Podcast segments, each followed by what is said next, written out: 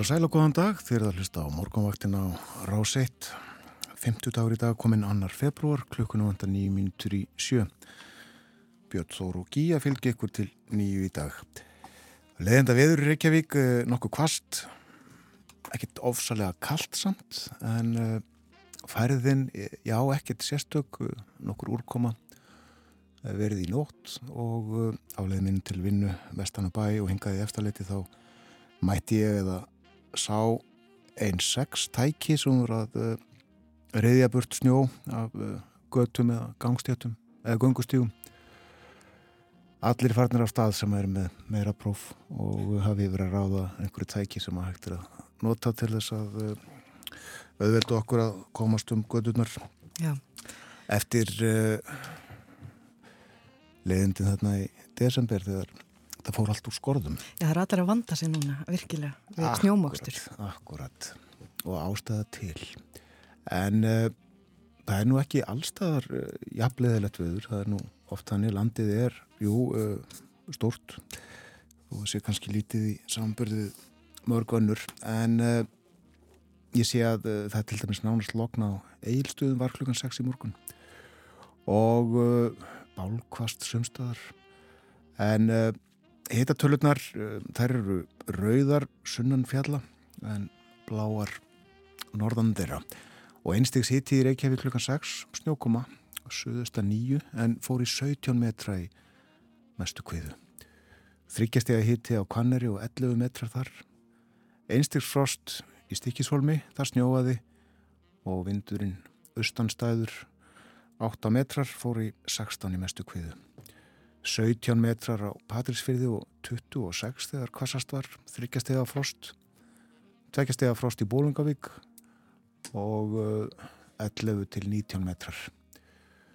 Mínus 2 gráður líka á Holmavík hitti við frostmark á Blönduósi 3 metrar þar einstir frost á Söðanisvita og fjórastega frost á Akveriri lítilsátt að snjókoma og nánast logn stafalogn hins vegar á Húsavík fjóra steg af frost einstigs frost á Rauvarhöfn og 6 metrar nýju steg af frost á Skeltingstöðum 2 metrar þar og 10 steg af frost á Egilstöðum logg, já norðan 1 segja þeir.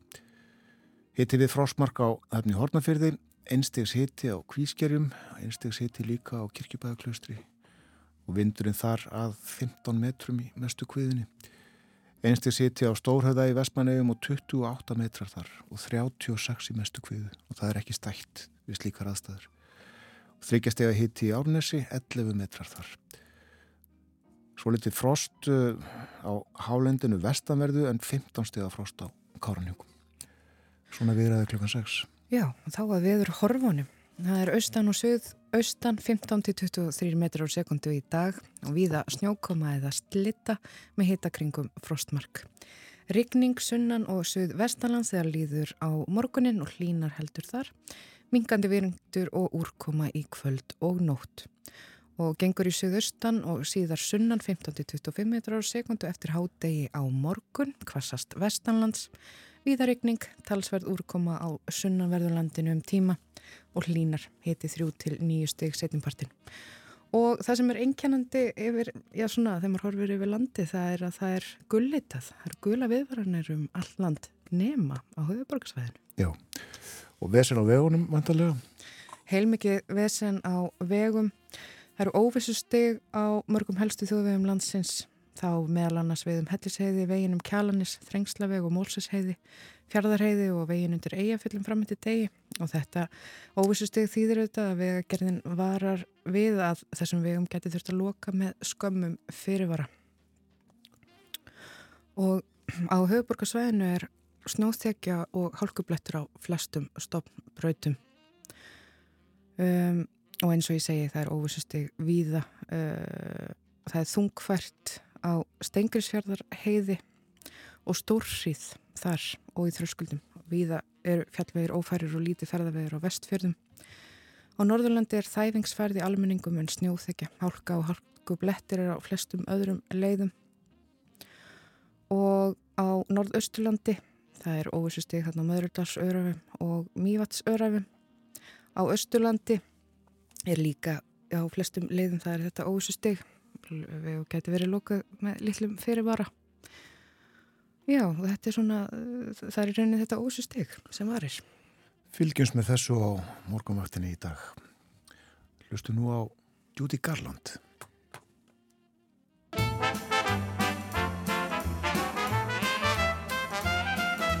If you're blue and you don't know where to go to, why don't you go where fashion sits? Putting on the ritz. Different types who wear a day coat, pants with stripes and cutaway coat, perfect fits. Putting on the ritz. That's where each and every Lulu Bell goes. Every Sunday evening with their swell bows, rubbing elbows. Come, let's mix where Rockefellers walk with sticks and umbrellas in their midst, on the riz.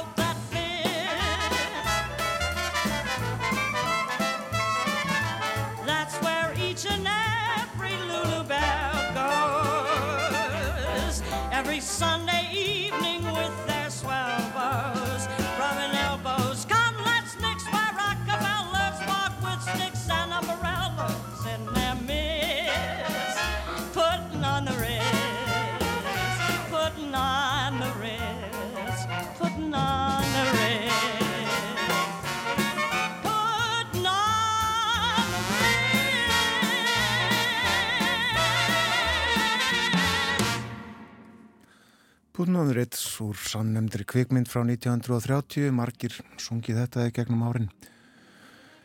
Til dæmis Harry Ritzmann og Fred Astaire Örving Berlin samti en Judy Garland söng það fyrir okkur að þessu sinni. Það er ímyndlegt á dagskrá. Morgunvaktarinn er í dag uh, nefni hér að Bói Ágússon verði með okkur sæst við heimsklukan rétt upp úr fréttaeflitinu hálf átta en við förum ítalega yfir dagskrá þáttarins eftir fréttir sem að koma eftir eina og hálfa mínútu eitthvað svo liðs og lítum þá í blöðin, ný og uh, gömul, innlend og erlend. Fylgjið okkur endilega inn í daginn.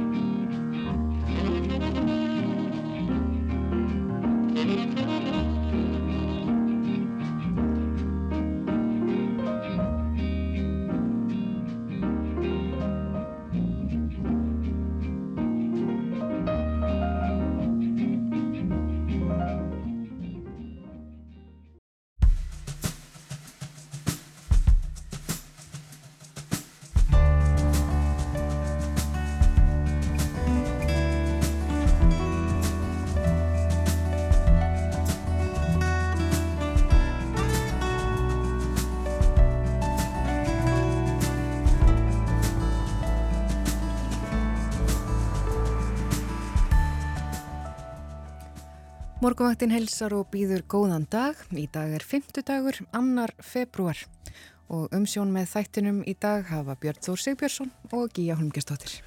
Og það er ímislegt á dagskrá hjá okkur þennan morgunin.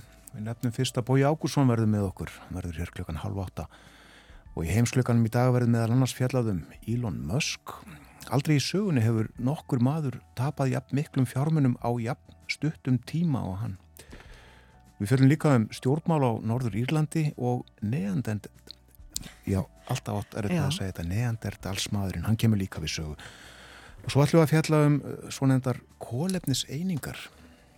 Já, í gerfa tilkynnt að dreyðir þú rekstri Votlendis sjóðs og ástæðan var meðal annars kröfur um alþjóðlega vottun á kólefnis einingum sjóðsins.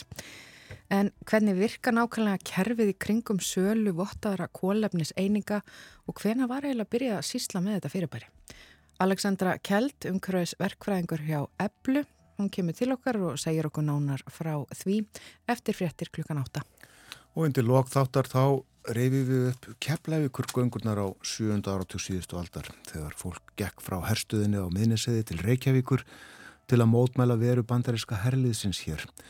Stefan Pálsson, sakfræðingur og hernaðar anstæðingur kann þessa sögu eins og svo margar aðrar og hann verður hér upp úr hálf nýju. En uh, við þurfum að tala eins um veðrið, uh, það er uh, leiðilegt víða, vond sumstaðar og ábara eftir að vestna. Já og veðrið, það er nú verst núna hérna á söð, söðurlandinu en mun svo færast svona yfir landið og, og gula viðvörunin svona endar á norðaustanverðurlandinu e, í, í kvöld og nótt. En ef við kíkjum hér inn á e, vefsíðu veðustofunar og höfum yfir hugleginga veðufrængs, þá segir þar að í dag er útlitt fyrir austan og söð-austan kvassviður eða storm á landinu. Það verður úrkoma um allt land í og víða á formi slittu eða snjókomu og hiti í kringum frostmark.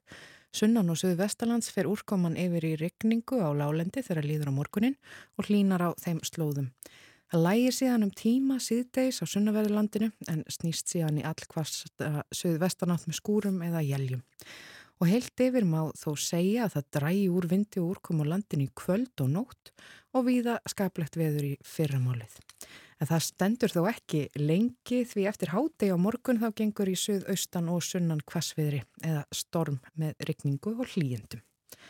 Já, svona er þetta og það er líka vara við því að uh, það er spáð kvassviðri og það er vara við snörpum kviðum undir fjöllum meðal annars.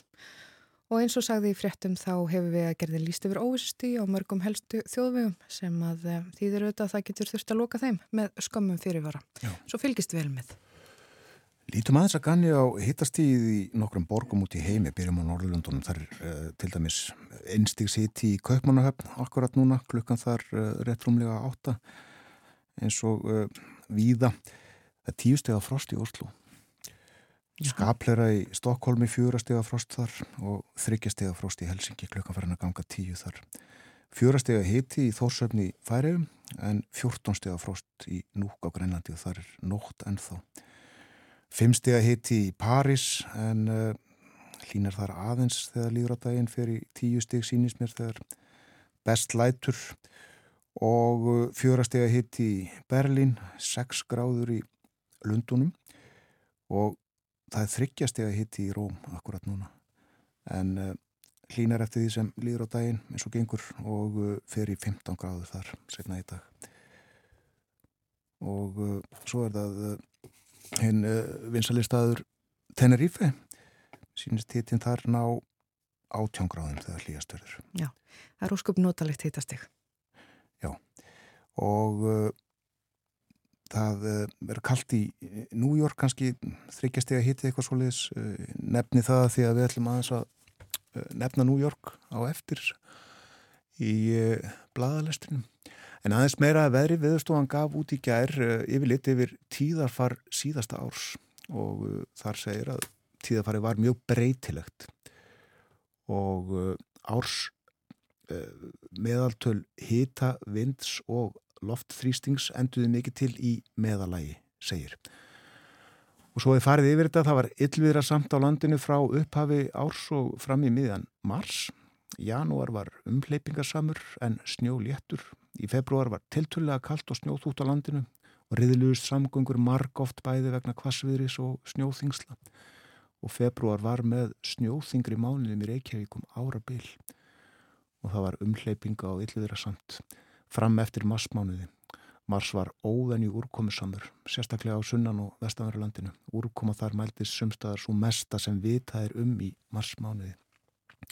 En svo kom vorið og það var hlít og hæðira samt tíð almennt góð. En uh, sumarið var hins vegar tiltulega kallt, mjög hlý, uh, mjög hlýir dagar voru fáir. Uh, september var hlýr og verið samur um allt land og árið endaði svo á tveimur óvinnilögum en afar ólíkum mánuðum. November var mjög hlýr, þetta var hlýjasti novembermánuður á landsvísu frá upphafi mælinga. Hlýjar östlagar áttir ríkjandi allan mánuðin með óvinni mikill í vætu tíð á Östurlandi.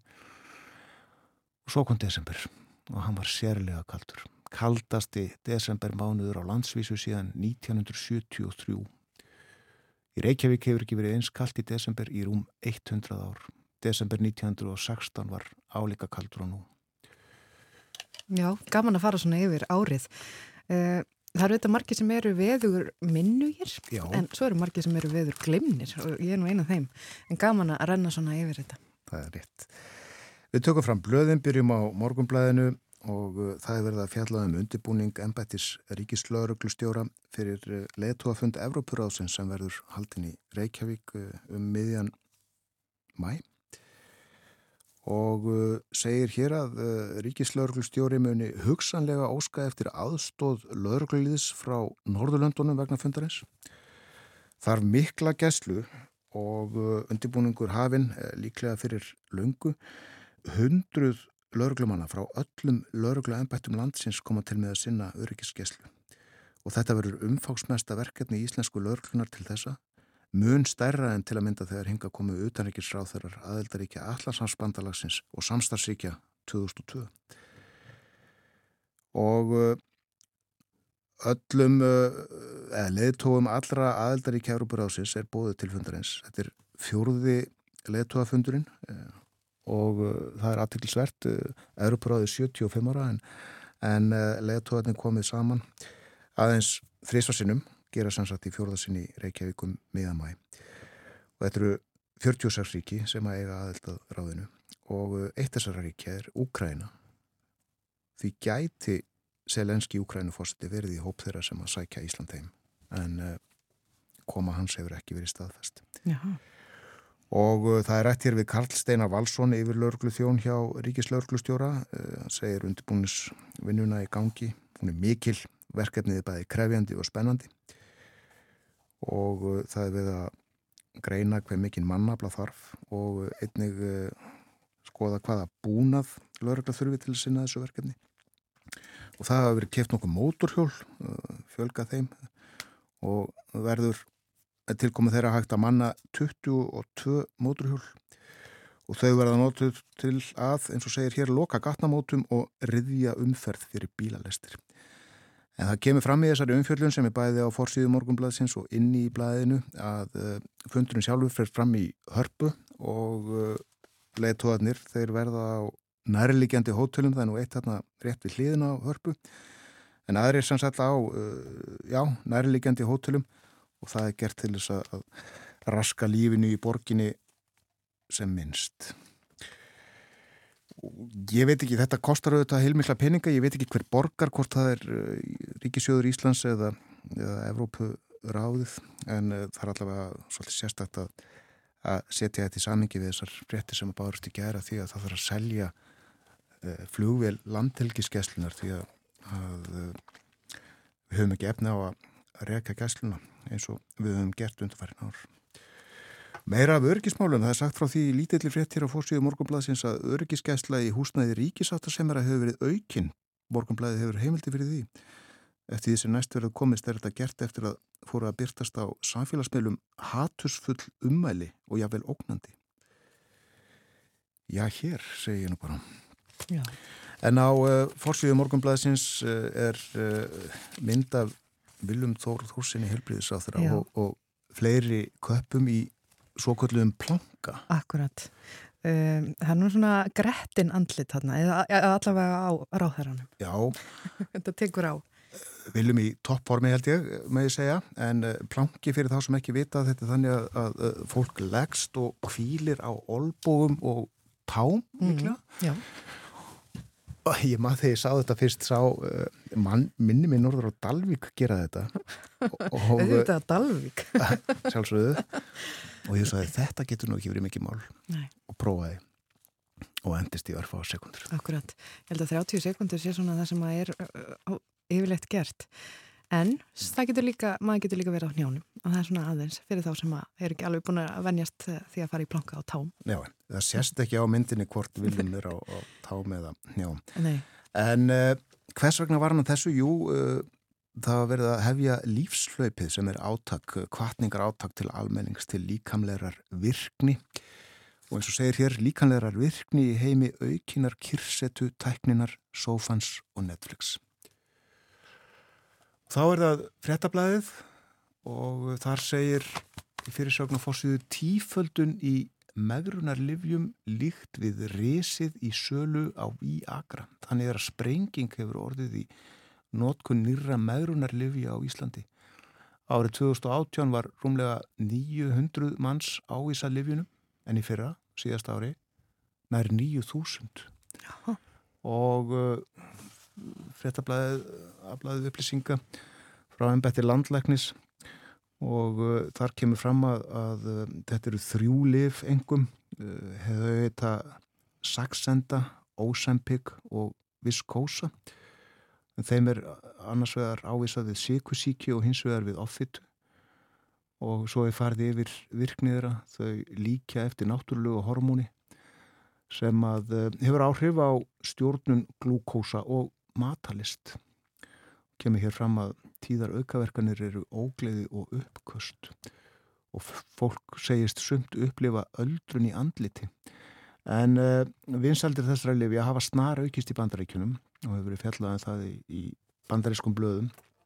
Og það er vitna hér í lækni Pól Djarot Frank að nafni sem segir þetta er nú glannalegt það eru allir annarkvort á þessu eða að spyrja hvernig þið komist á þetta.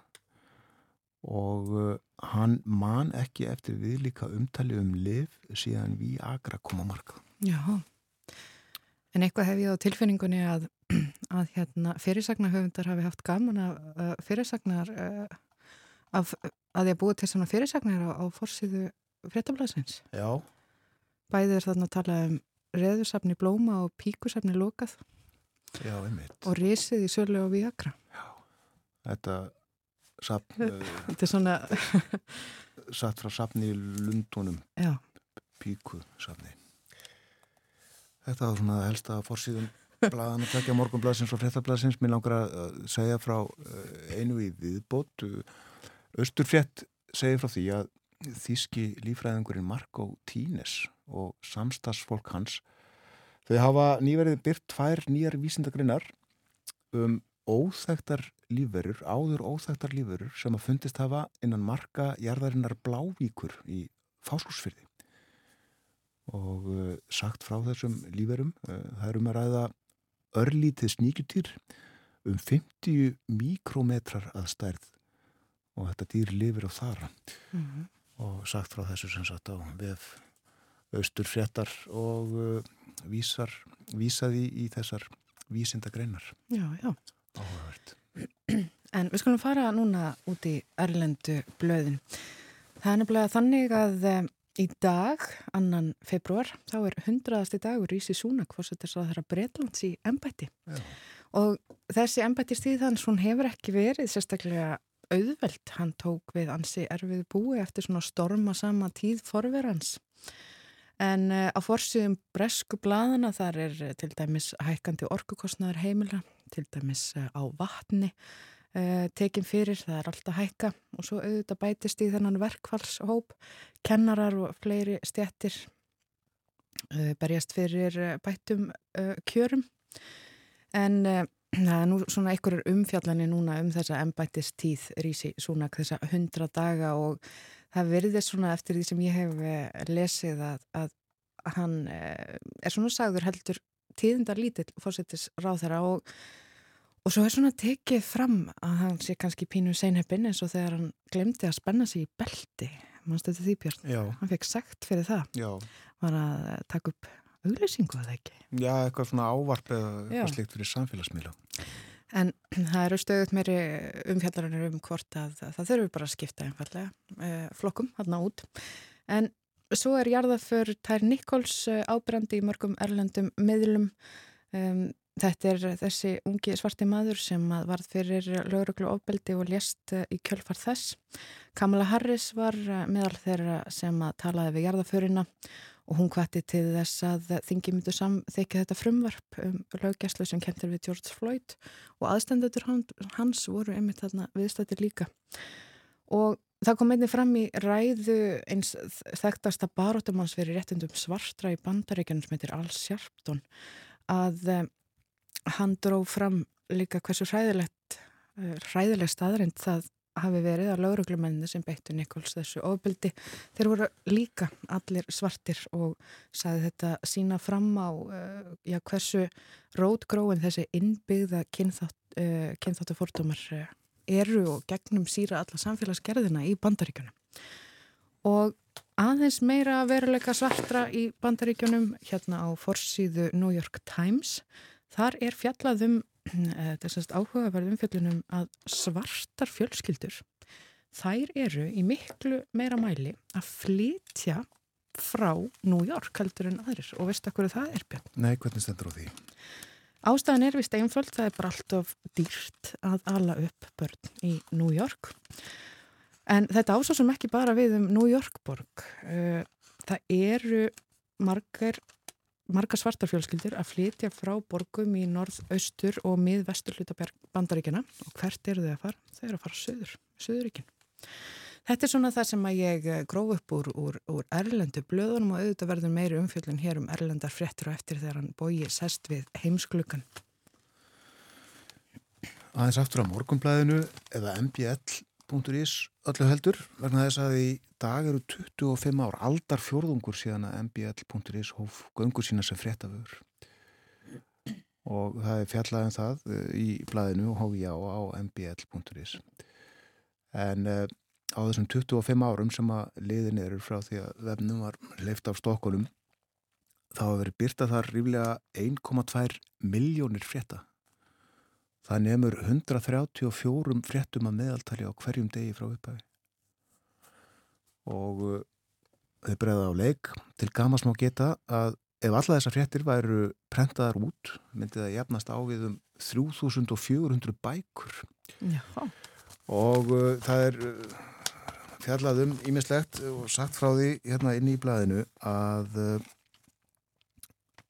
undir miðnætti uh, rétt áður en annar februar gekk í gard, þá kom Styrmir Gunnarsson, réttstjóri morgunblæðsins inn í tölvu herbergið og hann fekk það hlutverka íta á takkan sem á opnaði fyrir vefin og gerði það stundvíslega um leið og annar februar rann upp. Vefurinn byrtist á tölvuskjánum og allir vörpuðu öndinni léttar.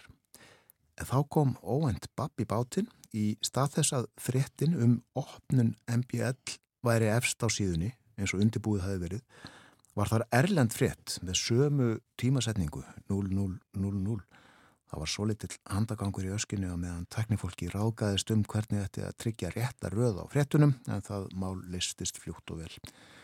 Og þessari frásókn fylgir mynd uh, þar sem sjá má styrmi og fleira fólk. Þannig er eh, Rappkjell Eiríksson, Andris Magnússon og Margret Siguradóttir og þau klappaði fyrir styrmi sem að setja svona þuðmælinu upp held ég.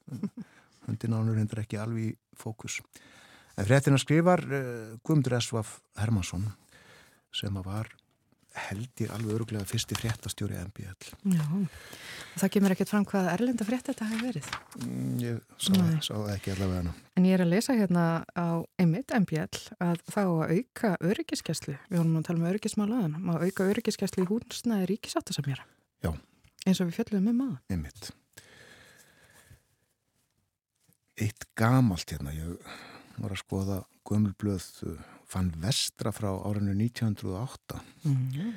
og þar eru nokkrar auglýsingar aðteglisverðar og uh, svo stæsta bann og upprópunamerki. Hér með er öllum stránglega banna að hengja þvotta eða annað því um líkt á kirkjugars girðinguna hér í bænum, vestri á gefin út á Ísafyrði. Sömulegðis er banna að láta fjenað inn í kirkjugarðin. Finnist þar skeppna verður eigandi að kaupa hana út og það var sóknanemndin sem auglisti svona. Og á þessum tíma máttu auglisa vín og uh, það gerði Árni Sveinsson kaupmaður reynið einu sinni vín sem eru undir tilsjón og efna rannsökuð, raukt og hvít portvin, madeira og sherry frá Albert B. Kohn, Köpenhán, aðalbyrðir á Ísafyrði hjá Árnarsveinsinni og uh, svo var þetta? Böð fást í sjúkrahúsinu að falla lausu laugadaga og sunnudaga eftir pöntun einnum klukkutíma áður en bað óskast aðra daga ekki. Vestri 1908 Já, það er leiðilegt þegar að skeppnur eru að ráfa um kirkjugarðana. Bannað, reynlega Það er bannað Aðeins að eh, störfum alþingis það að funda til rúmlega tvö í nótt þá eh, hafi verið rætt um útlendingarfrumvarpið í tíu klukkutíma. Umræða um það hófs klukkan fjögur í gæðir áður hafi verið talað um það þó ekki efnislega í liðunum um eh, fundastjórn fórsetta og í, við fleiri tilefni í, í, á þessum fundi. Og málið enn á dagskrá í dag þingfundur hefst hálf 11 hefst á óundirbúnum fyrirspurnatíma og svo verður útlendingamálið á dagskrá en í dag fyrir líka fram sérstök umræða um Grefjó skýsluna, eh, skýslu Grefjó um Ísland og þar er málsefjandi Artís Anna Kristína Dóttir Gunnarsdóttir og til ansvara verði fórsættisráþur og þessi umræða fyrir fram hálf tvö. Ekki vísta allir kveiki á því hvað þetta er, eh, Grefjó, en eh, þetta er sem sagt skýsla um varnir og baráttu gegn heimilisofbeldi og ofbeldi sem að beinist að konum. Skýslan kom fram í nógambur og verði sem sagt að rættum hana á þingfundi í dag. Já. Það líður að fréttaeflitinu, kemur eftir fjóra mínútur við fáum fyrsta auglýsingar. Eftir fréttaeflitið verður Bói Ágússon með okkur sestuð heimsklukan. Svo ætlum við að fjalla um kólefnis einingar. Eh, það var tilkynnt í gærað. Votlendisjóður myndi já, stöðvastar sem er sína tímabundið og við ætlum aðeins að, að, að pæla í þessum alþjóðlegu vottuðu kólefniseiningum, hvernig svona allt það kerfi virkar. Svo bindum við okkur göngu skóna klukkan hálf nýju og förum í keflavíku göngu með Stefáni Pálssoni, sakfræðingi og hernaðar anstæðingi.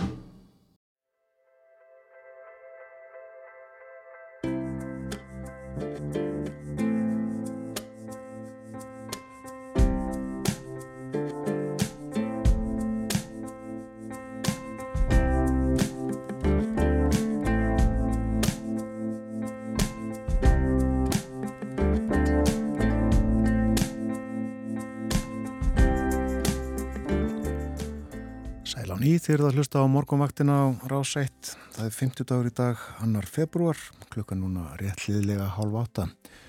Umsjónamenn þáttur eins þennan morgunin Gíja Holmgeistóttir og Björn Þó Sigbjörnsson og með okkur í hljóðstofu 6 í útafshúsinni í eftirleiti næstu 25 minúturnar eða svo Bói Ágússon. Góðan dag. Góðan dag Björn og Gíja. Við eins og við nefndum í kynningu aðan, uh, ætlum að fjallum eitt og annað mm -hmm. og uh, við ætlum að byrja á máli eh, manni sem að við lögum spjalli okkar á fyrir viku Já. Elon Musk Já. Það er sko, við, við töluðum aðeins um, um Tesla og uh, við töluðum um það að já að uh, það var búið að lækka verð á Teslum uh, það hefur skilað sér því að uh, það hafa búið fleiri pantanir uh, það er ekkert skortur á því að það sé eftirspurn eftir þessum bílum. Við sjálf með þetta mest seldi bílun á Íslandi fyrra um rétt og annars en, en eh, heimsmyndabók Guinness við tölum ekki um það. Nei. hún setti það fram núna fyrir uh, nokkrum dögum vikum að engin maður í mannkynnssögunni hefði tapað jafn miklu fjö og jafn skömmum tíma á Elon Musk.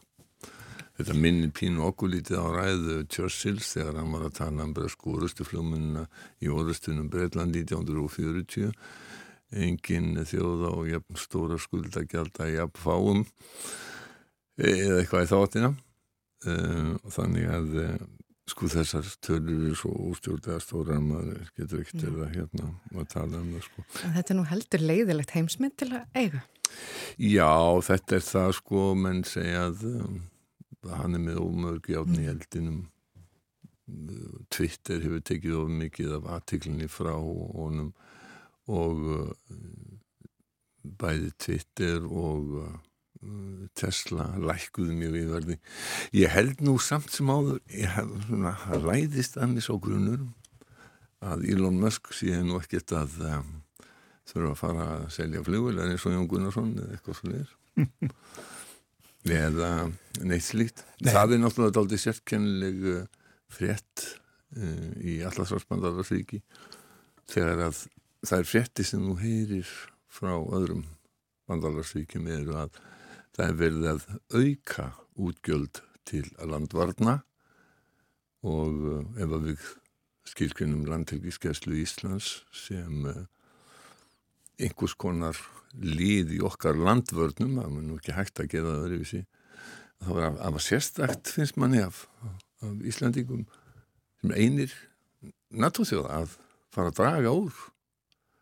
Uh, ég nú ekki vissum að þetta, þó að þetta sé nú kannski ekki stort í heildar útgjöldum allarsvarsbandalagsins allir eitt skriðtryggi kosti ekki svona svipað og nútíma skriðtryggi svona Abrahams kosti ekki svipað, ég hef ekki hugmynda og eins svona flugvel en þá, þá, þá býðir mér í grun að, að um, þetta veikir nú ekki dóskaplega mikið fognuð hjá öðrum allarsvarsbandalagsvíkjum því að þú heyrir sko í Damnorku voru umræðið í gærum það að uh, það sem að þeir eru að stefna núna að uh, 2% af þjóðartekjum fari til landvarna.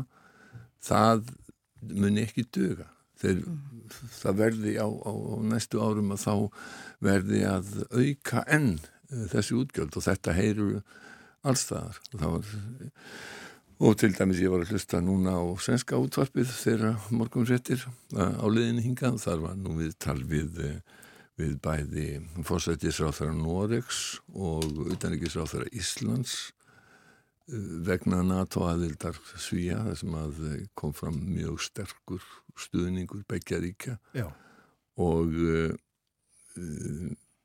þar á bæ eru menn svo sannarlega að hugsa um verulega aukin útgjald en þetta er kannski svona smá um, útudur frá uh, aðal umræðu efninu hjá okkur. Það er rétt. Eh, við vorum að tala um Elon Musk, hann er nei líklega ekki á flæðiskýristatur en uh, þegar við uh, segjum frá því að, að líklega hafi aldrei uh, nokkur maður tapað jafn miklum penningum á jafn stuttum tíma á hann nú þá höfum við í huga að mjög margir hafa tapað mjög miklu, oft, oft. Já, já. Þannig að þetta er, þetta er sérstakt. Það, voru frétti líka, sá ég í gæra af, af einhverjum indverskum miljarda eða biljardamæringi sem að uh, hafi tapað einhverjum óskaplegum upphæðum á, á, á mjögstustnum tíma líka. Já, en það er ekki eins og að hafa endilega að fækka sko sælabunkunum í peningaskáknum hans, eh, þetta er þetta tölurablaðið einhverju liti virði hlutafélaga og þarfum Já, já, þetta er, þetta er það. Já. En svo nú hérna með Breitland. Já. Það var svona Brexit uh, tímamót 31. janúar uh, og og svo hefur nú fórsættisra þegar hann setið, við fjallum um það í morgun, í hundra daga í dag. Já, já, það hefur beinst þáldi aðteklin að bresku stjórninni uh, og, og Breitlandi vegna þessa sem að uh, þessara tíma móta og uh, fram að þessu þá fær nú stjórn Eh, breska stjórnir, stjórnir Ísi Súnaks, hún, hún fæ nú ekkit óskaplega háa einhvern, við tölum þetta í síðustu viku þar sem að Ísi Súnak hann lagði áherslu á þegar hann tók við að nú er þetta allt upp á borðinu og það er þetta heiðarleiki og annað slíkt. Og svo er hann að lenda í hverju málunu á, á fættur öðru sem að, sem að er svona já, frekar leiðilegt fyrir hann. Og, uh, og núna til dæmis í fyrirspiltan tíma fórsættis á þeirri gæra þá var við að tala um uh, varafórsættisráþrann sem hefur verið sagaður um einelti og andlegt ofbeldi og ymsir sem hafa þurft að starfa með honum ráðunitis fólk sem hefur farið sko grátandi í burtu og og nú er ég menna benda á sko ef þetta væri yfirmaður hjá fyrirtæki þá hefði hann verið listu frá störfum tímabundi á meðan rannsók hver fram. En uh, pólitíkus hann situr sem fastast og, uh, og þessu er náttúrulega beint að fórsættisráþara því maður hefur hans yfirmaður.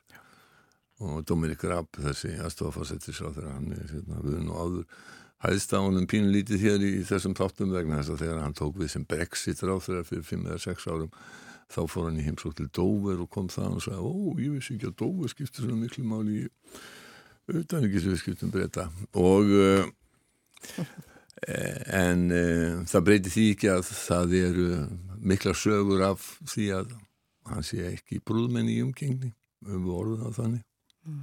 en aðalmálið sem að uh, ég ekki aðalmáli, eitt af þessum máli sem er verið að tala um núna að því að það eru þrjú áliðin frá því að breytar gengu úr Evrópussambandinu er það að Brexit er ekki búið. Nei.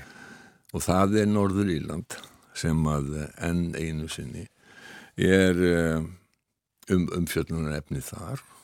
Vegna þessi núna var The Times, Lundunablaðið The Times með eh, fórsíðu fréttum það að það væri nú líkur á því að blæðið hefði heimildir fyrir því að uh, það væri stutt í það að það næðist samkomlegum framkvæmt uh, Brexit uh, samningsins hvað var það Norður Írland sko trú tryggir hlustendur morgumvartarinnar muna það kannski að við farið í gegnum það að, að það er svo kvöldluð viðbútið að protokól við Brexit samningi sem að fjallar bara um Norður Írland og uh, þar er verið að uh, í rauninni fær Norður Írland svona er það áfram á innri markaði Európa-sambandsins mm -hmm.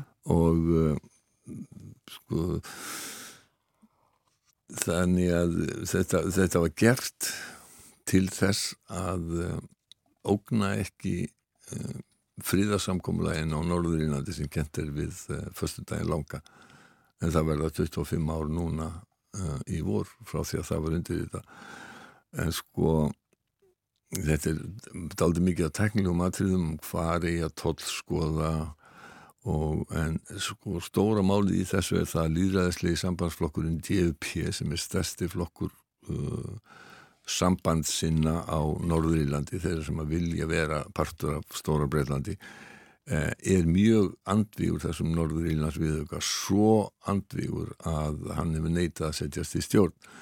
Eh, sko aðri stjórnmálaflokkar á Norður Írlandi þeir stýðja þennan viðauka en ekki DFP sem eru afamar þverir í flestum málum og, og mjög íhaldsamir í í, uh, já, getur við sagt ímsum þjóðfélagsmálum og, og, og síðferðismálum og Ég stundum er að grínast með það að þeim eru öruglega hérna, mjög illa við Charles Darwin. Þeir trúa eiginlega ekki almenlega á, á þróunarkenninguna og annað slíkt og réttindi samkynneir eða hins eginn fólks og uh, fórsturðingar og svona þetta er eitur í þeirra beinum mm. sem er aldrei skrítið vegna þess að sko maður hefði hættið að katholikarnir sem eru hinn meginn mm. sem að katholska kirkjan hefur nú yfirlt ekki verið þannig svona með að allra frjálslindustu abla í heiminum hvað þessi mál var það hún er miklu frjálslindari heldur en, heldur en sambandsinn á Norður Írlandi en sem sagt í viðuganum er gert ráð fyrir því að Norður Írland sé áfram hluti innri markaðar Európa sambandsins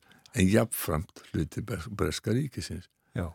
og þetta er náttúrulega já, já Ég. Ætla að sletta þetta meikar eiginlega ekki sens? Nei, þetta gerir það ekki sko. Það, það, eh, og svo, sko, svo eru harða deilur um það hver þegar ég sést ESB, Frankværtastjórn Európa-sambandsins og Breska stjórnin hafa deilt um það hver eigi að skera úr um ef deilumál kom upp og uh, í Lundunum að þá mega menn ekki heyra minnst á það að, að, að Evropadónstólinn komið nokkuð staðan álegt þar það var eitt af því sem fór og hefur alltaf farið óskaplega í taugarnar á brexit sinum að einhver útlendur domstól geti haft eitthvað að segja um það hvað, hérna, hvað gerist í Breitlandi.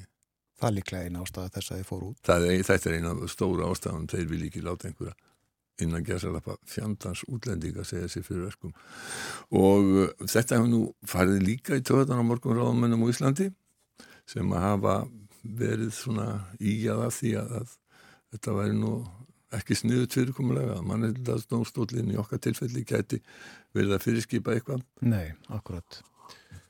En Evrópudónstólinn er sá hluti hann sem að heyri undir í ES e, hefur náttúrulega líka vald uh, á Íslandi en þetta sem sagt uh, hérna Boris Johnson átti hugmyndina að þessari löst sem er í gangi núna en síðan alveg frá því að það var undirrita og staðfest á breska þinginu þá hefur breska þingið eða hörðustu brexit sinnar amast mjög við þessu ákvæði sem þeir hafðu í, sjálfur frumkvæðað sko. Og þetta var eins og svo margt annað hjá Boris Johnson að hann sko, hann sagði að við gætum átt kokun á getið hana mm. og, og þetta var náttúrulega bara bara gekk ekki upp og, og gengur ekki upp bara þetta bara er, er, er ekki floknar heldur en það. Það þú breytir ekkert því lögmáli sko, nei.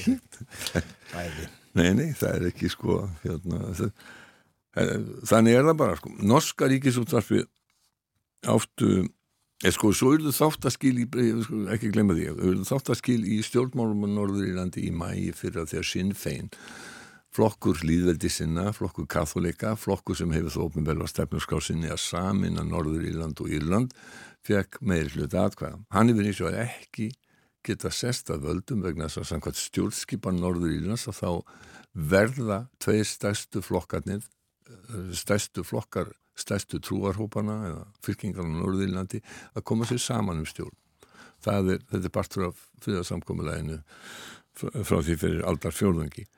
En sko DUP sambandsinu þeir segja bara nei við setjumst ekki stjórn á meðan þetta brexit kæftæði og þetta, þessi norðurílans viðveiki er, er í gildi þannig að uh, Michelle O'Neill sem að uh, er leiðtögi sinn fein á Norðurílandi hún hefur ekki getað sest tekið við völdum sem fyrsti ráð þeirra Norðurílands sem að hún hefði átt að, gera.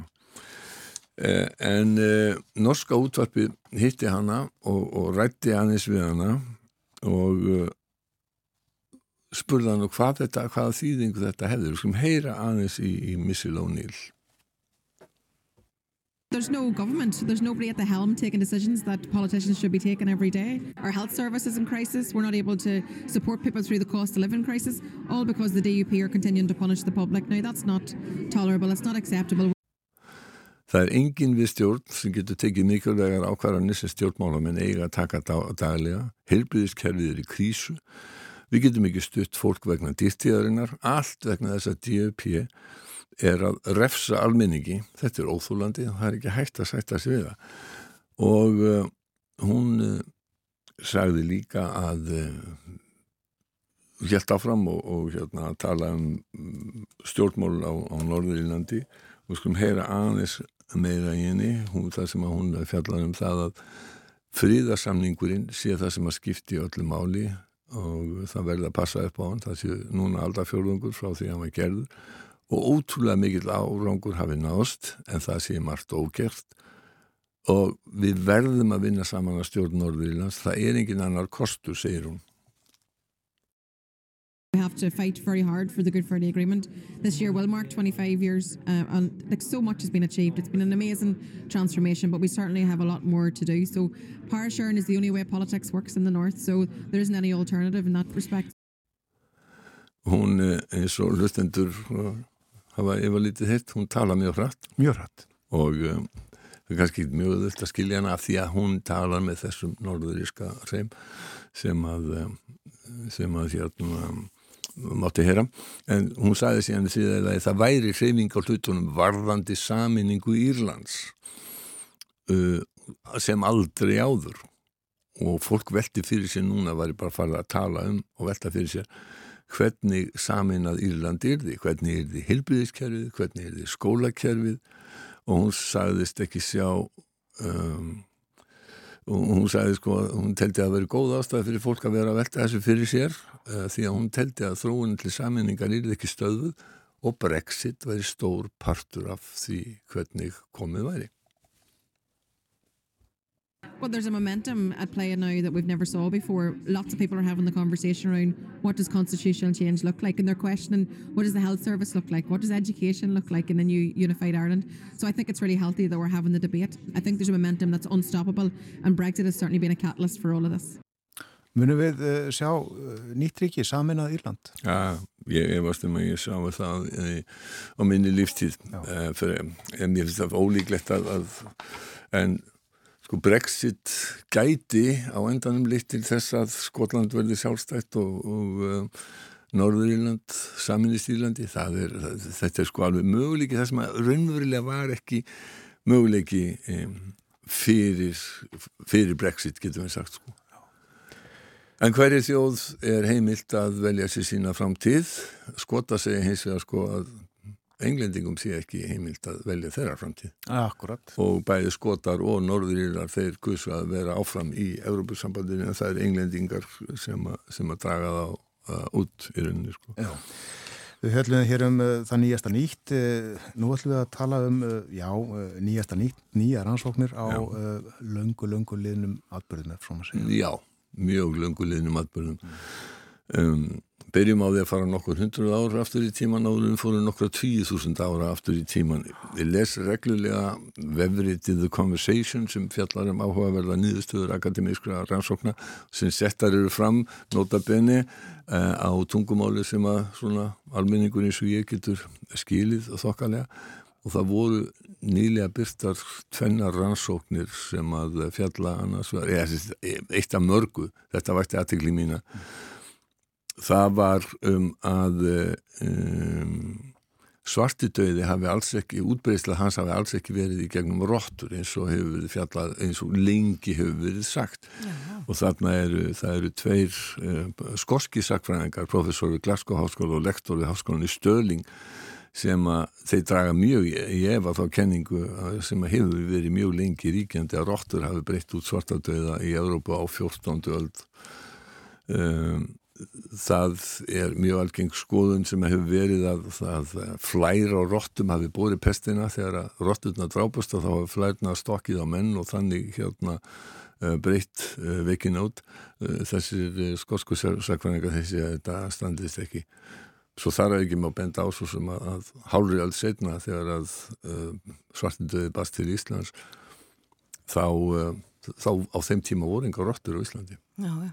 En svona aðeins um svartu döði, hvað nákvæmlega er þessi? Svarti döði eða mórs nýgra á latínu þetta er skæður bakteríusúkdómur og þetta var einn vesti heimsfaraldur söguna, náði hámarki í Evrópu miðja 14. öld 1348 til 50 Það er almennt e, tali að það, þetta sé síkild sem að heitir Yersinia pestis sem að veldur kílapest og Eh, þetta er eh, sjúkdómur sem hefur verið fyllt mannkynnu en, en, en, en sko þetta var sérstaklega skætt á, á, á 14. öldina þar við áætlaða 25-30 miljónir manna í Európu hafi uh, dáið það hefur verið sirka þýðangur til helmingur af, af því fólki sem að lifði í Európu á þessum tíma Það tali líka pláan mikla í Lundunum 1665-66 hafi verið svartu döði og uh, það hafa komið upp svona minniháttar pláur og, og já, minniháttar faraldrar. Um, en svartu döði kom til Íslands uh, um uh, 1402 og þá er talið að helmingur Íslandinga, mm. alltaf helmingur Íslandinga hafi dáið og það er þetta náttúrulega einhver skelvilegustu hamfari sem hefur íslensku þjóðina uh, hafa gengið. Í Wikipedia segir að heilar fjölskyldur og ég vil ættir hafi dáið út, það var gríðarlega tilfæsla á eignum það var ofta erfitt að finna réttu ættingina vegna þess að það var bara fjölskyldur hafði þurkast út kirkjan eignaðist mikið af jörðum á þessum tíma og því að fólk hétt á kirkjur og um, mm -hmm. þannig já. En hvers vegna barst ekki þessi faraldur fyrir 1402 uh, rétt í lokin á vísinda, til Íslands? Á vísinda við Íslands segir að sennilega vegna þess að þeir sem að stunduði syklinga frá Nóri þeir hafa síkst og dáið á þessum þegar sjúkdómunum gekk þar uh, og svo fjallu samgöngu nýður uh, og það er ekki fyrir sko hálfur allt síðan sem að sjúkdómunum raunverulega best til Íslands. Uh, og það er vitað að þessi sjúkdómu var til þess að hann gekk bæði á Ítali og Englandi rétt upp á 1400 og þaðan barst hann til Íslands á, á þessum tíma. Um, og sko eitt svona rétt í lógin verðum að geima neandertalsmennina því að við höfum eiginlega ekki tíma til þess að tala um þá jafn mikið og við eigum þeir eiga skilir þannig að ég ætla svona rétt að, að, nefna það í lógin varðandi svartadöða að, eh, að verðt að benda á það að svartadöði kemur verulega við sögu í hamingu þessa heims sem er nýjasta bók Sýriðar Hagalinn Björnsdóttur. En eh, sko allar það þjóðfélagsbreytingar sem að fylgdu Þetta, það er eiginlega ekki hægt að ímynda sér mm. hversu óskaplegt áfall þetta hefur verið fyrir Íslands þjóðfélag. Helmingur þjóðarinnar þeir. Hugsið ykkur. Já. Við höldum með þetta inn í daginn. Við gerum það. Takk fyrir dagbói Sjömmulegis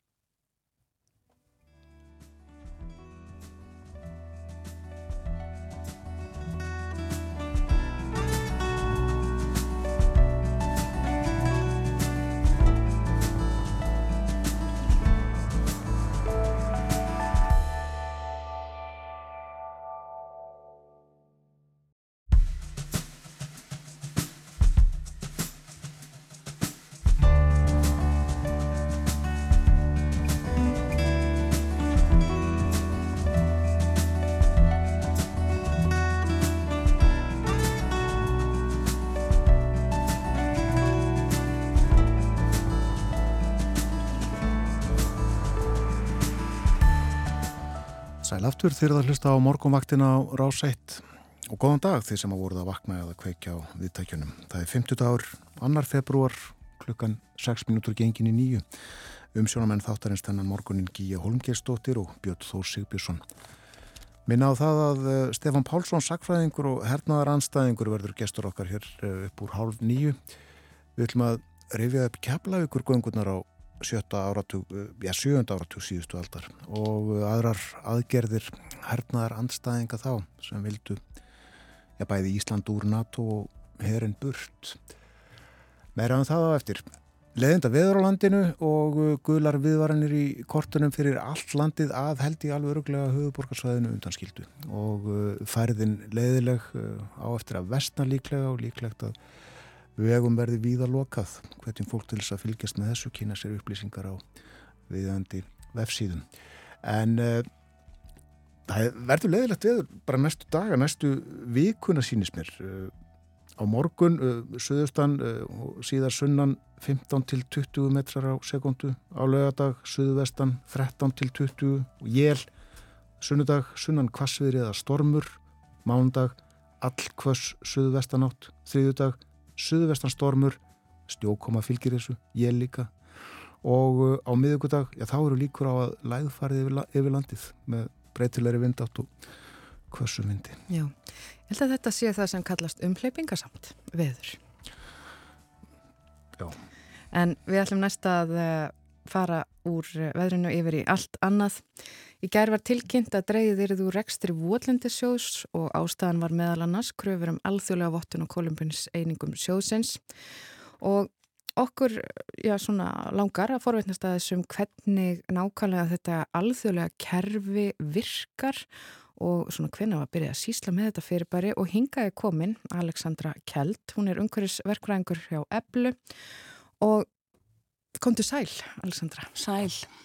Þið hafi nú, já, svolítið unnið með þessar uh, kólefniseiningar, þið hafi gert skýrslur og, og, og, og svona eruð að vinna með þetta hjá mm. Eblu, mm. meðal annars með Votlendis sjóði að mm. nálgast þessar alþjóðlegu vottanir.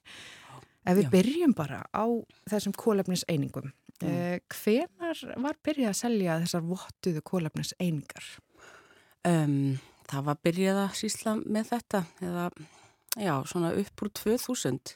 Það eru rauninni tveir kannski markaður sem er að myndast. Það er annars verður þessi reglumbundni markaður sem er þá hérna, innan kerfa eins og losnabokal þjóða eða hérna, ETS-kerfi þar sem fyrirtæki eru sem að losa og svo er það valkvæður markvæður og Já. hann hefur verið að þróast bara undir, undir þetta senasta svolítið, kannski senast tíu ár eða svo, svona af alveru mm -hmm. Valkvæður markvæður Þetta er Já. svona bara eins og frjálsmarkaður eitthvað skonar. Já, þetta, þetta snýr, snýst þá um það að draga úr uh, e, losun eða binda uh, koldioksið sem er hérna sem er þá engin kvöðum að gera þetta er þá utan reglverks mm. og þá er hérna og þá eru svona ákveðin hérna skilirði sem að svona einingar þurfa uppfylla að það til dæmis þær þurfa að vera varanlegar, þær þurfa að vera aukarlegar það þarf sem sagt um, þá ekki að hafa í rauninni farið út í þessa vinnu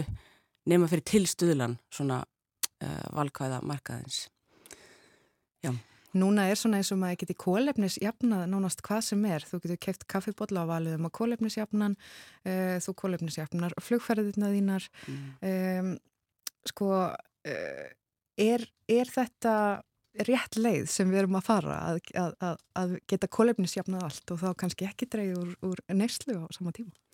Jú, við þurfum að gera, gera kvorutökja og heila, sko, þú ferð ekki að jafna eða kólefnislutleis eða nema að því búin að þú ert búin að draga úr eins mikið og getur og það er undar það sem að allir staðlar uh, um þessa hluti uh, leggja mestu áherslu á að þú þart aðeins að fara yfir sko hérna hvernig þetta er hjá þann hjá þér, hvort sem þú ert stopnin eða fyrirtæki eða annað þú þart að kortleggja lósina mjög vel þú þart að setja þér stefnu, þú þart að setja þér aðgerra á öllum, þú þart að sína fram hvernig þú ætlar að draga úr og að því búinu þá getur við farið að grípa til aðgerða eins og að jafna og að hlutleisa eða hvernig sem það er. En það er alveg rétt að við erum með mitt farin að tala svolítið mikið núna, við erum búin að tala á þessum nótum og undanförnum árum en við höfum ekki verið með skilgreiningarnar kannski mm. alveg á hreinu. Við höfum leift okkur að segja ímislegt en mm.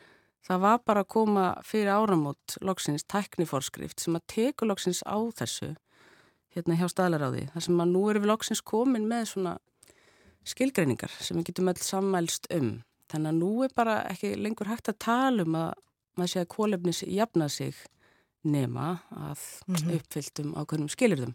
Já, sem eru hver? Já. Eða þessi, þessi forskrift, hver, hver nákvæmlega er hún? Hvað er á bakvið eina kólefniseiningu? Já, kólefniseining, þetta er hérna það sem svona gengur kaupum og sölum og þetta eru svona vottuð kólefniseining eða á ennsku oft verified carbon unit Uh, á bakvið hana er í rauninni sönnun þess að það sé búið að draga úr eða binda uh, ei, því sem nefnir einu tonni af CO2 í gildum. Um, já, og þetta má gera með ymsan hátt og um, já, það er það sem kólumseiningin er, mm -hmm. eins og jöfnun, það er hins vegar... Um, Það er núna vel skilgreint í þessari teknifórskrift sem að heilmikil vinna lág bakvið, það var mjög margir sem að tóku þátt í henni.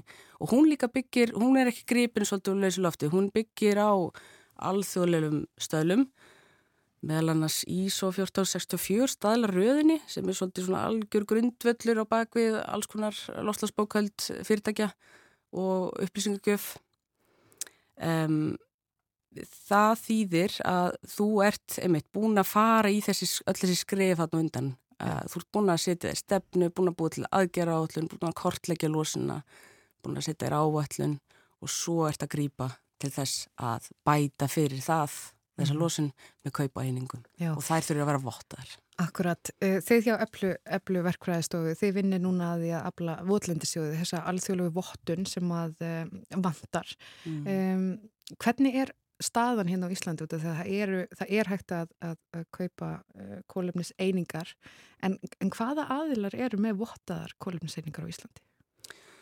Bara lengst af hefur það ekki verið ekki einasti aðili sem við geta bóðið upp á þetta, ekki ennþá en það hafa margir verið að vinna í þessu. En það var að koma núna bara frétt hérna um þetta í, í áspyrjun það er einn aðili, hann er komin með hérna vottaði reyningar fyrir nýskórækt á Ísturlandi, það er Yggdrasill og við vitum um marga aðeila sem eru að vinna í þessu meðal annars votlindisjóður en það eru aðrir hérna, sem eru þá í skórækt og þeir eru þá bæða að nota hennan innlendastaðal sem að skóræktin var að þróa mm -hmm. um nokkuð tíma, skóarkólefni og líka þessa erlendu uh, staðla Já. eins og vaff eh, verra eða goldstandard En hvernig er þetta með að sækja um svona vottaðar kólefnisendingar að fara í þetta ferli eins og þið eru það að gera með votlindisjóði? Hva, mm -hmm. Hvað er gert? Ég maður þarf að hafa samband við útgefenda uh, og maður þarf að fara yfir sko hérna svolítið mikinn pakka. Þetta er nefnilega, þetta er mjög uh, formfest innramað. Um, það er strángir staðlar og maður þarf að færa sönnur fyrir öllu þessum atriðum uh, um að þetta séu raunverulegar, mælanlegar, varanlegar, aukanlegar einingar og fyrir hverja einustu um, aðferð, hvort sem er að tala um bindingu þá eða það að draga úr losun að þá þarf maður að uppfylla aðferðarfræði hjá hérna þessum útgefanda og þetta, þessar aðferðarfræðir hvernig segir maður það í fleirtölu? Um, hún byggir á vinnu sko fremstu vísindamanna í heimi og er líka svona árangur margra ára hérna samvinnu. Þannig að já, um, það þarf að fara í gegnum svona um, tölvert ferli til að öðlast svona og það hérna Og hvað tekur svona ferli hvað er áallega til dæmis eins og fyrir vorlendisjóð að það myndi taka langan tíma? Ég að vil gengur og von, við bara bindum vonu við það og þá, um, þá bara vonandi geta leiði fyrir vottaða reyningar í lók þessa árs. Já. En þetta náttúrulega bara er háð, sko þetta fyrir gegnum svona mm, ríniferli, alveg tölverkt og svo þarf að fá, sem er eiginlega mikilvægast í þessu öllu, það þarf að fá óháðan aðala. Það er þriðji aðali sem kemur og tekur út öll þessi gögn og tekur út þetta verkefni mætur á mhm. staðin og, og, og fer yfir alls sönnagögn og það er ekki fyrir að hann er búin að leggja sitt mat á þetta og skilin allir svona gögnum að þá getur þetta verið sannreint eða verified já, já. En hvernig er eftirliti sko þegar að vottunin er komin mm. hvernig er eftirliti háttað uh, með svona verkefnum út af því að maður sér reglulega að dúka upp í fjölmjölum mm. um, eins og bara nýleg grein í Guardian þar sem að var verið að rannsaka fyrirtæki sem heitir Verra sem hefur búið upp á vottaðar mm. einingar, kólefniseiningar mm -hmm. og þar var verið að efastum að það, eh, að, að það virkaði, að það væri eitthvað á baku þessar einingar. Hver, hvernig er eftirlitun háttað? Hvernig er þetta að tryggja að sko, þessi fyrirtæki eða prógrum sem fara inn í þetta mm. að þau haldi sér við uh, það sem þau segjast vera að gera? Akkurat, þetta þarf að vera varanlegt, Já. það þarf að fylgjast með því. Það, sko, svona einingar eru ekki gefnar út nema bara til erfara ára í senn og svo er gert ráðfyrir og það kemur aftur þriði aðili og þú þarfst að vakta þetta verkefni og þú þarfst að rapportera, að hafa ídalega skýslum það, þannig að þá kemur hann aftur ef þú óskar eftir að halda áfram að framleiða einingar, segi ég með loftgæðslapir. Um, og, og þá tekur hann þetta út. Þannig þannig er raunni verið að reyna að tryggja það að hérna, þessi stöðt verið að fylgjast með þessu. Og þú færð ekkit uh, einingar eitthvað langt fram í tíman sko. ekki nema það sem kallast þá einingar í byð en það eru þá ekki vottaðar einingar það er ekki búið að sannreina þær. Það stundum gefið út eitthvað sem heitir já svona einingar í byggð þá er búið staðfest þetta verkefni sér til en það er ekki búið að mæta staðan og sannreina það. Nei, þegar maður er svona, það þýrst að vera eitthvað svona neytendafakt í þessum málum eh, þannig út af því að maður upplifir pínu að maður sé að kaupa bara eitthvað, eitthvað loft um, og, og, og þá þetta votta kerfi er svolítið svona eins og neytendavaktin. Já, við erum bara, við erum á þeim stað bara akkurat núna, við erum, við erum í svona, hvað segir maður, transition hérna. Svona umbreytingaferli. Við erum í umbreytingaferli mm. og verðum það núna bara svona aðeins næstu misseri vegna þess að við höfum, við vissum að þetta væri á leðinni, að það væri gerð, það erðu, það myndi verið að gerðna miklu meiri kröfur til allar þessari eininga, hvernig svo sem það eru fengnar með endurinn votlendi, skórækt, bindingu eins og Carpfix er að gera eða hvað annað. Um, margar aðferðir um, en, en, en, en núna er bara komin meiri fyr, pressa á fyrirtæki og stofnanir um að þeir þurfa uh, halda utanum sín mál og ef þeir ætla að vera með einhvers konar lovorðum um, að þeir sé að standa sér í loslasmálum eða hérna, ætla að draga úr hérna, sín, losun vegna síns reksturs eða sín vörum þá þurfa það bara að færa miklu meiri sönnur fyrir því og Þannig að við erum bara, já, við erum í raunni á leiðinni þongað. Mm. Erum, Þannig að það er margt að gerast í þessum kólefnis eininga heimi. Já, það er að gerast mjög mikið og einmitt, það getur bara vel verið að það veri komin einhvers konar neytendavakt í kringu þetta einhver tíman. En uh, sko, hér á Íslandi þá er uh, Yggdrasil fyrir austan með þessa vottuðu einingar og, mm. og, og fleiri aðilar uh, að fá vottanir mm -hmm. bara á já, þessu ári eða, eða á komandi tímum. Mm -hmm. Hvernig sérðu fyrir, sko, bara þessi markað og talaður um hann að frjálsa markað hvernig, hann er vantilega að fara að stækka gríðarlega?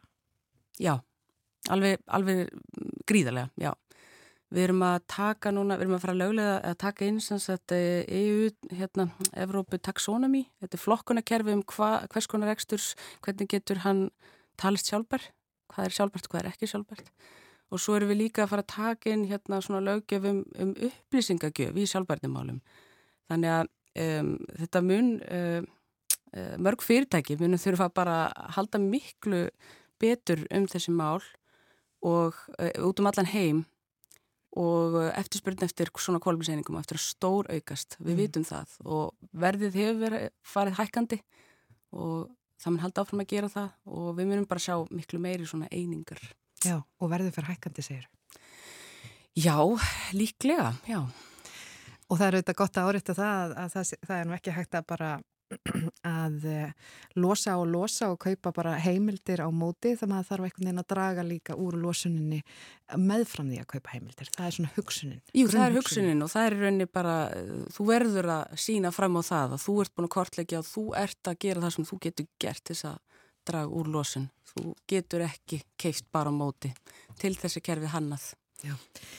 Aleksandra Kjeld, umhverfisverkræðingur hjá Eblu, takk fyrir komin að hinga á morguvaktina og aðeins að rekja sögu uh, þessa kólefnis eininga markaðar og, og, og, og hvernig svona vottað, þetta vottunarkerfi virkar allt saman.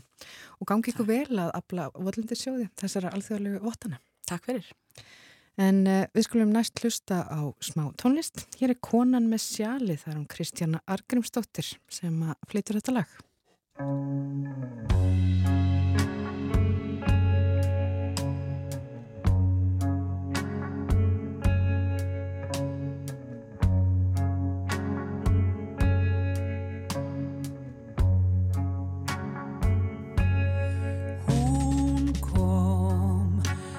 Og draumur konan með sjalið og hlusta í kyrðin á kvöldbylgu hjalið.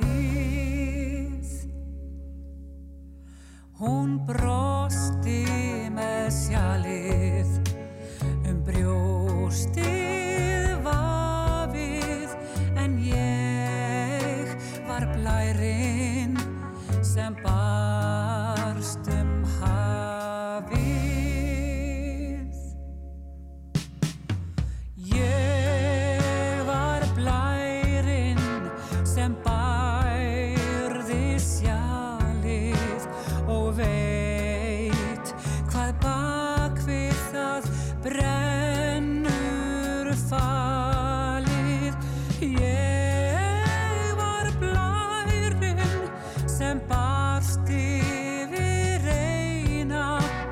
og faðmaði að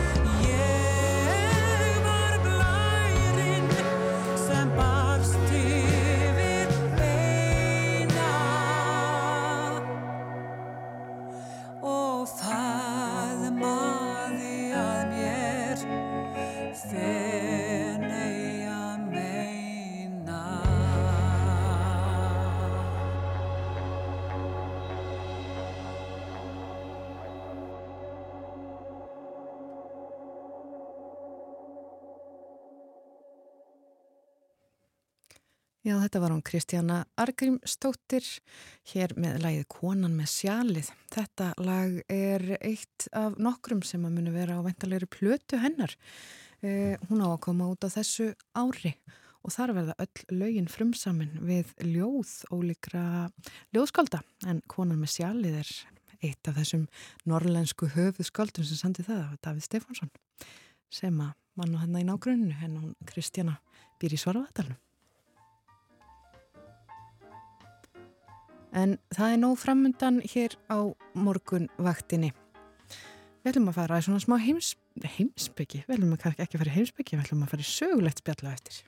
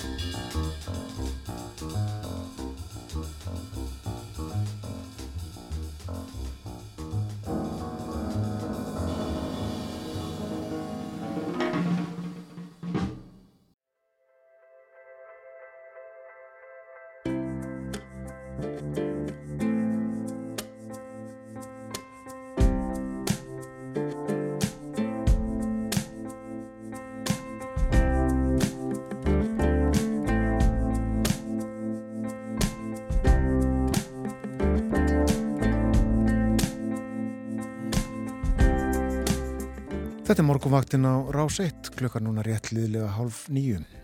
Og það er komið að sögustund. Við ætlum að revja upp sögur úr baráttunni gegn veru bandaríska hersins hér á landi. Hersins segi ég, án og ég mist talað um herið að varnalið eftir því hvar í flokki fólk stóð. Herstöðin var reist, var það ekki 1951 og, og hér var herið að varnalið eh, til 2006. Friðasinnar voru ósáttir auðvita og léttvísir heyra. Andstaðan komst segja má í skipulagt form og eldist þegar samtök hernáms andstaðinga voru stopnið. Það var held ég um 1960. Setna komu svo samtök herstöða andstaðinga og, og nú höfum við samtök hernaðar andstaðinga.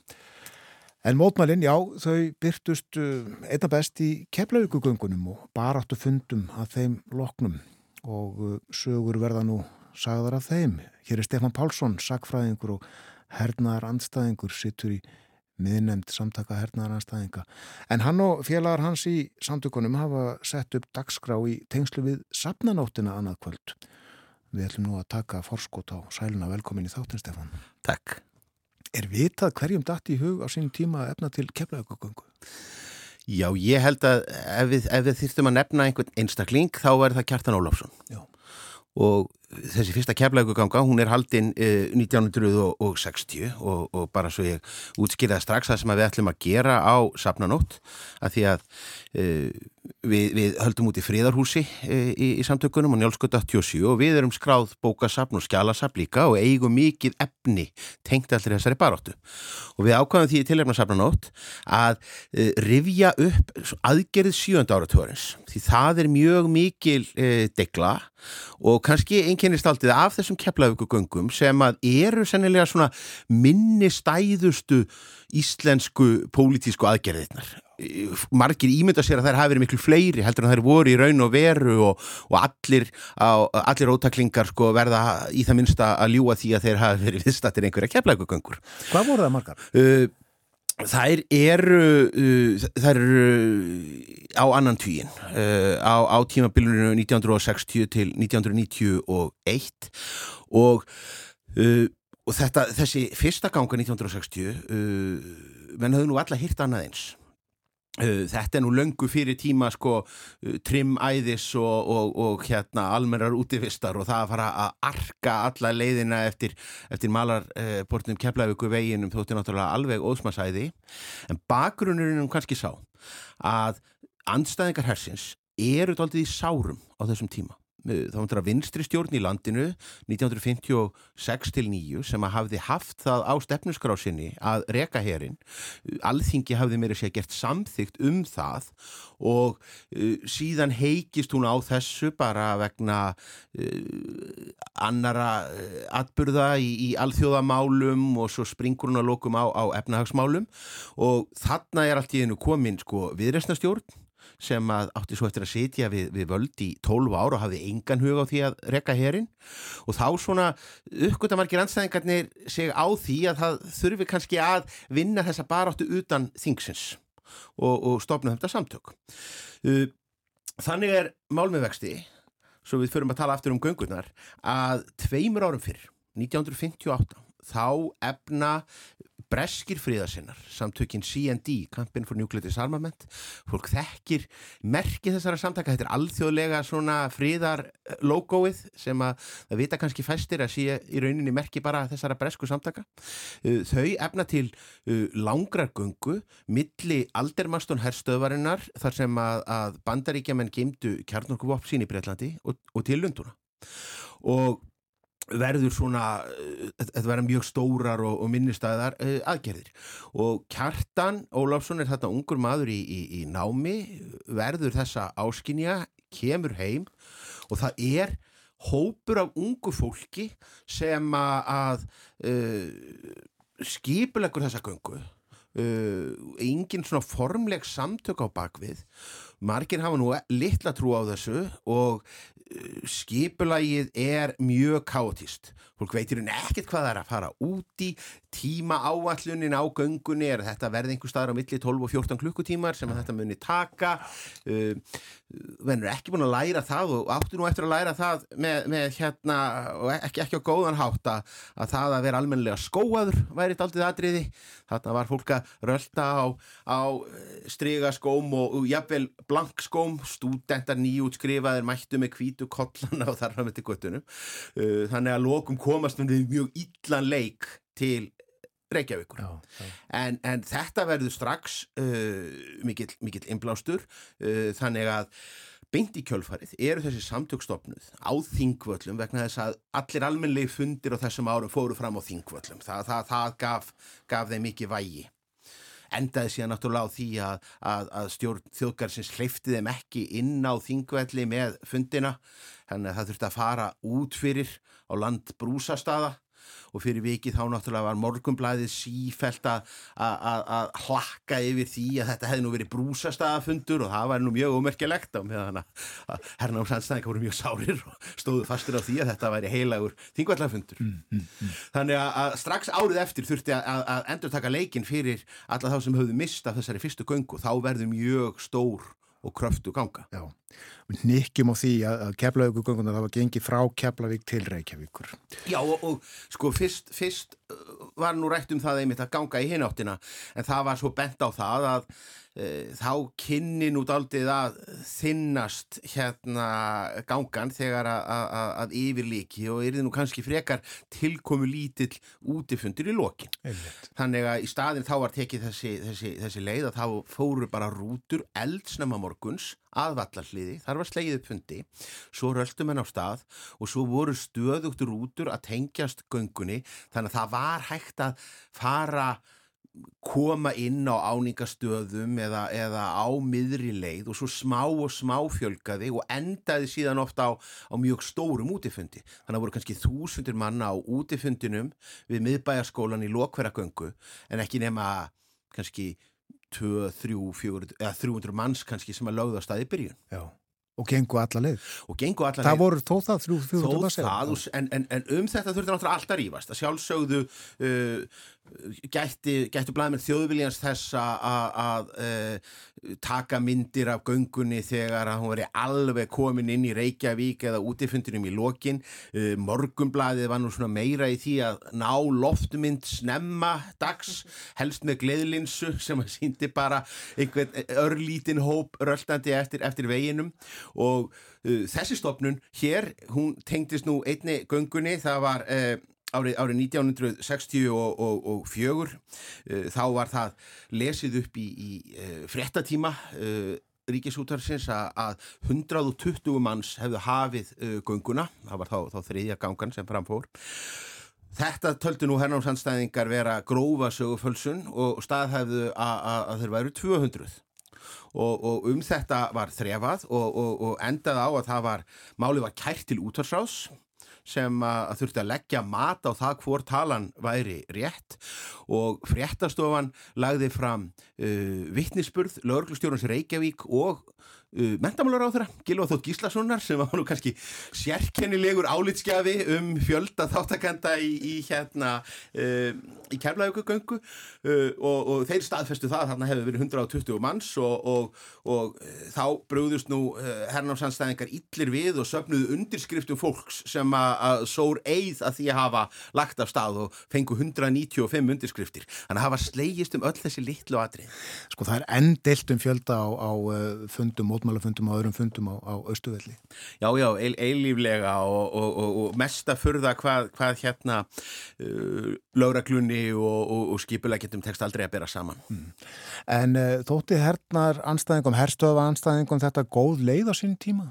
Sko hún vakti gríðarlega aðtegli sem að sást á því hvað uh, deilurnar um þetta uh, urðu harðar.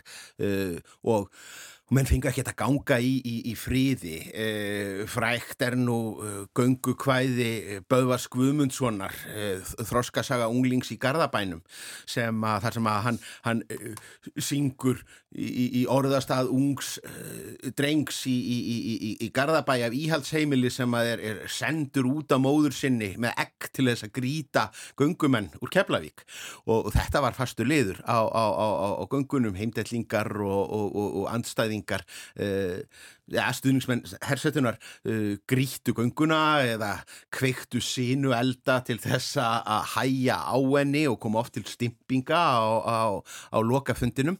Nema það að í hvæði uh, Böðvars að þá endur þetta náttúrulega allt saman vel og, og, og, og ungi drengurinn sér ljósið og gengur að lokum með Hvena var uh, síðast gengin keflauganga?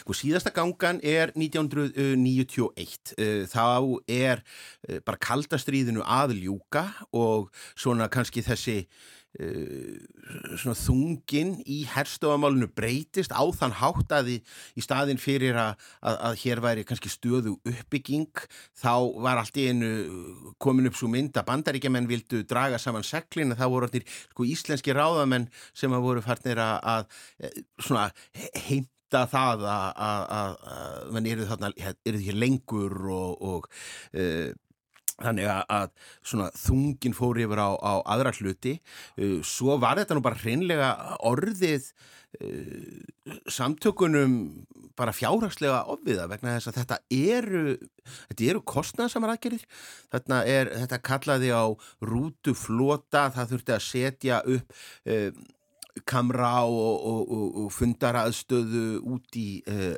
móa, auglýsingar og þar fram eftir göttunum og svona uh, svo, svo fannst sumum þetta pingulítið eh, einhæft að komu alltaf reglulega hugmyndir um hvort það veri gett að gera eitthvað annað, vera með landsgöngu í, í kringum landið.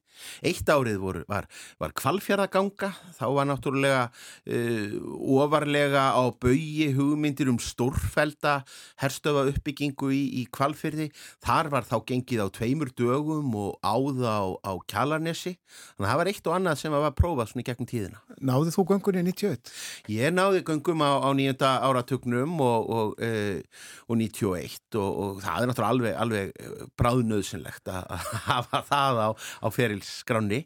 E, en eins og segi, það, það sem við, við ætlum sérstaklega að fókusera á e, hérna í, í, í friðarhúsi annarkvöld, það eru þessar sjönda áratúrsgöngur. Það eru þessar göngur frá 1960 til 68 eh, um það leiti þá lognast uh, þessi gömlu samtök út af uh, og við sjáum þessa breytingu alveg í byrjun uh, fyrirluta 7. ára tórins þá er náttúrulega uh, sko fyrst er óbóðsleg uh, þá, þá er kaldastríði í rauninni alveg funheitt með, með, með kúpudeilu og, og, og miklu výbúnaða kapplaupi uh, og, og þess vegna voru þessar stóru og miklu göngur í Breitlandi aldrei maður stón göngurnar vegna þess að fólk var bara döðrætt og hættan á kjarnokustríði var veruleg.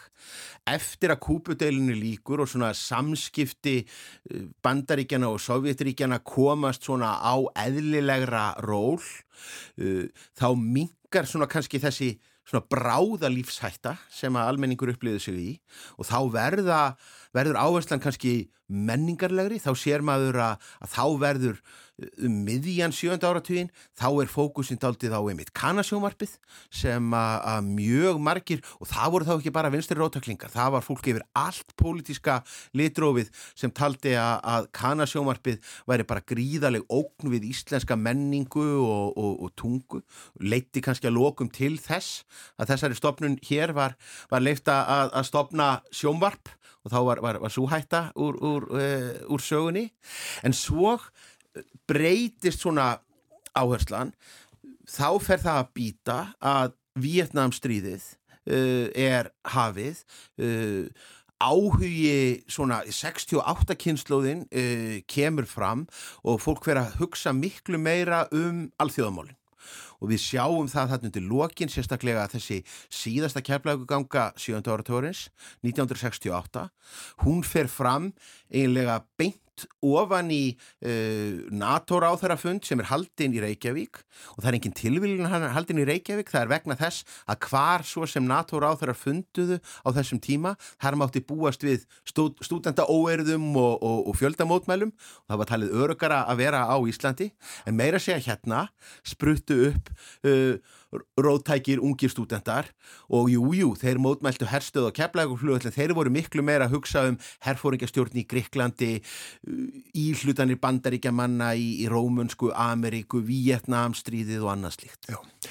Þetta er mikil saga og uh, þessi hefur alltaf verið gætt hjá uh, hernaðaranstæðingum að passa vel upp á söguna, er það ekki?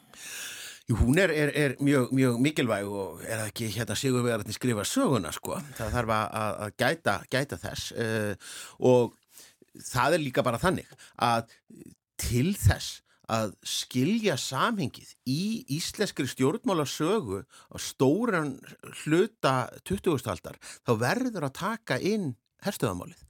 Ef við höfum það ekki í huga uh, þá skiljum við ekkert bara samingið íslenskri pólitík hvaða þetta réð því hvaða ríkistjórnir voru myndaðar eða gáttu ekki orðið að veruleika uh, stjórnir uh, fjallu eða, eða, eða hálf fjallu vegna þessa Það má líka segja, svo, svo velta með því endalust fyrir sér, hverju, hverju skilaði þessi baráta, hvað var það sem að olli því að, að herin uh, fóra á, á endanum.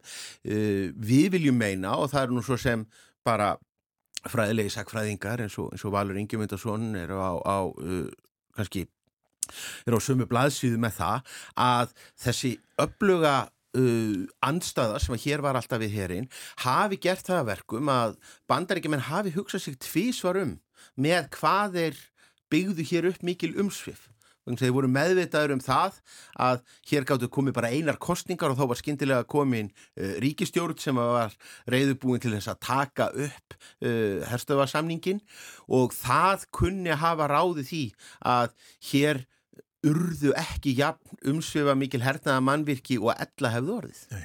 Og herin fór svo 2006? Og herin fór svo 2006 og, og, og tveimur árum síðar þá neytumst við til þess að breyta nafninu á, á, á samtökunum okkar en við höldum því nú alltaf til haga að þó svo að það hefur skellt í lás á herstöðinni og dreyið niður bandaríski fánin og svo íslenski að, að hún að þá hafa alltaf verið hér töluver hernaðar umsvif sem að byrtast í heræfingum uh, í uh, svona fjarskiptakerfum sem hér eru, eru rekin og síðan svona uh, tímabundnari viðveru herþóta. Já.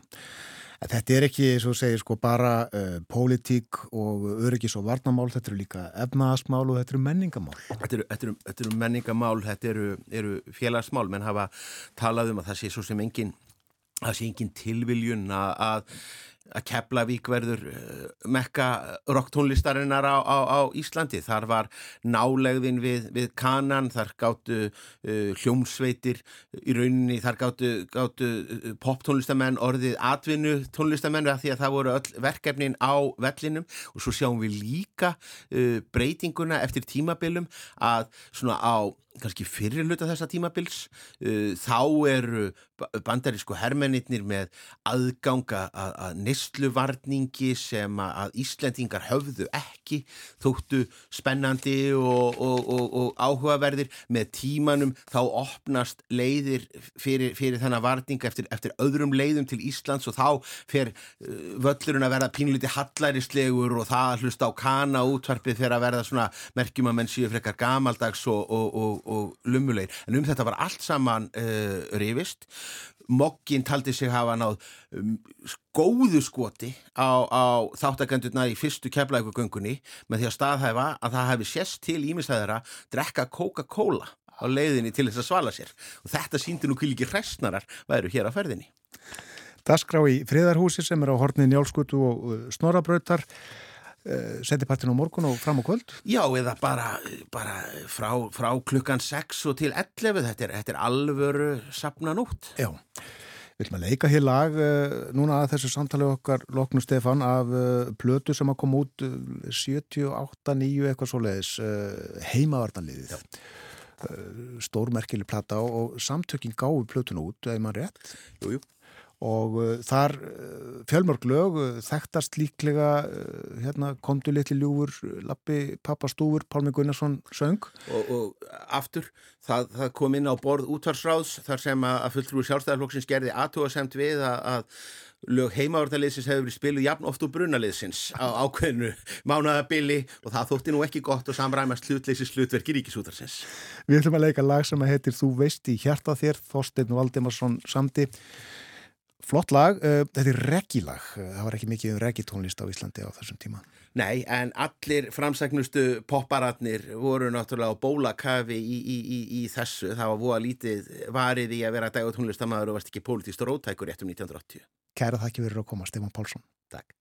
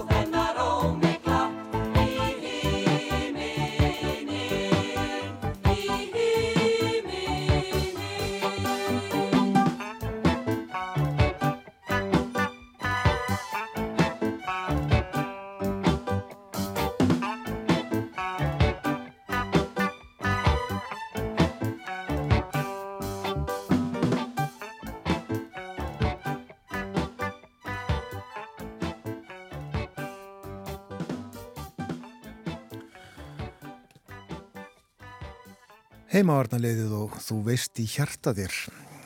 Leikið í framaldi að spjalli við Stefan Pálsson, sagfræðing og hernaðar anstæðing. Hann sáð okkur frá dagskrá sem að eh, hernaðar anstæðingar standa fyrir í friðarhúsi á morgun, sapnanótt, eh, mikið húlum hæ eh, á höfuborgarsvæðinu. Vetrarháttíð líka þessi sleiði saman en já við töluðum aðalega um keflaugugöngunar á sjönda áratug síðustu aldar það viðra nú ekkert sérstaklega vel til gunguferða eiginlega hvergi á landinu í dag já. Nei, svo sannlega ekki. Það eru þetta þessi gula viðvörun sem er í gildi á landinu öllu og færist yfir svona frá uh, já, vestri til östurs og, og, og það er orðið þungvert líka eins og víða á vestfjörðum og bera að hafa það í huga. Stengrisfjörða heiðir, ófær og þröskuldar og, og víða. Og eins og við fórum yfir áðan, uh, veðrið verður leiðilegt, ég vil beinleginis vond uh, næstu 6-7 dagan eitthvað svolítið. Já, gengur á með lagðum svona, eins og hefur verið. Morgumvaktin er að ljúka, klukkuna vantar núna 5 minútur í nýju. Við höfum setið hér síðan fyrir sjö í morgun, Björn Þóru og Gíja Holmgerstóttir. Og morgumvaktin verður á sínum stað aftur í fyrramálið, en þanga til. Takk, takk, njóti dagsins. Verðið sæl.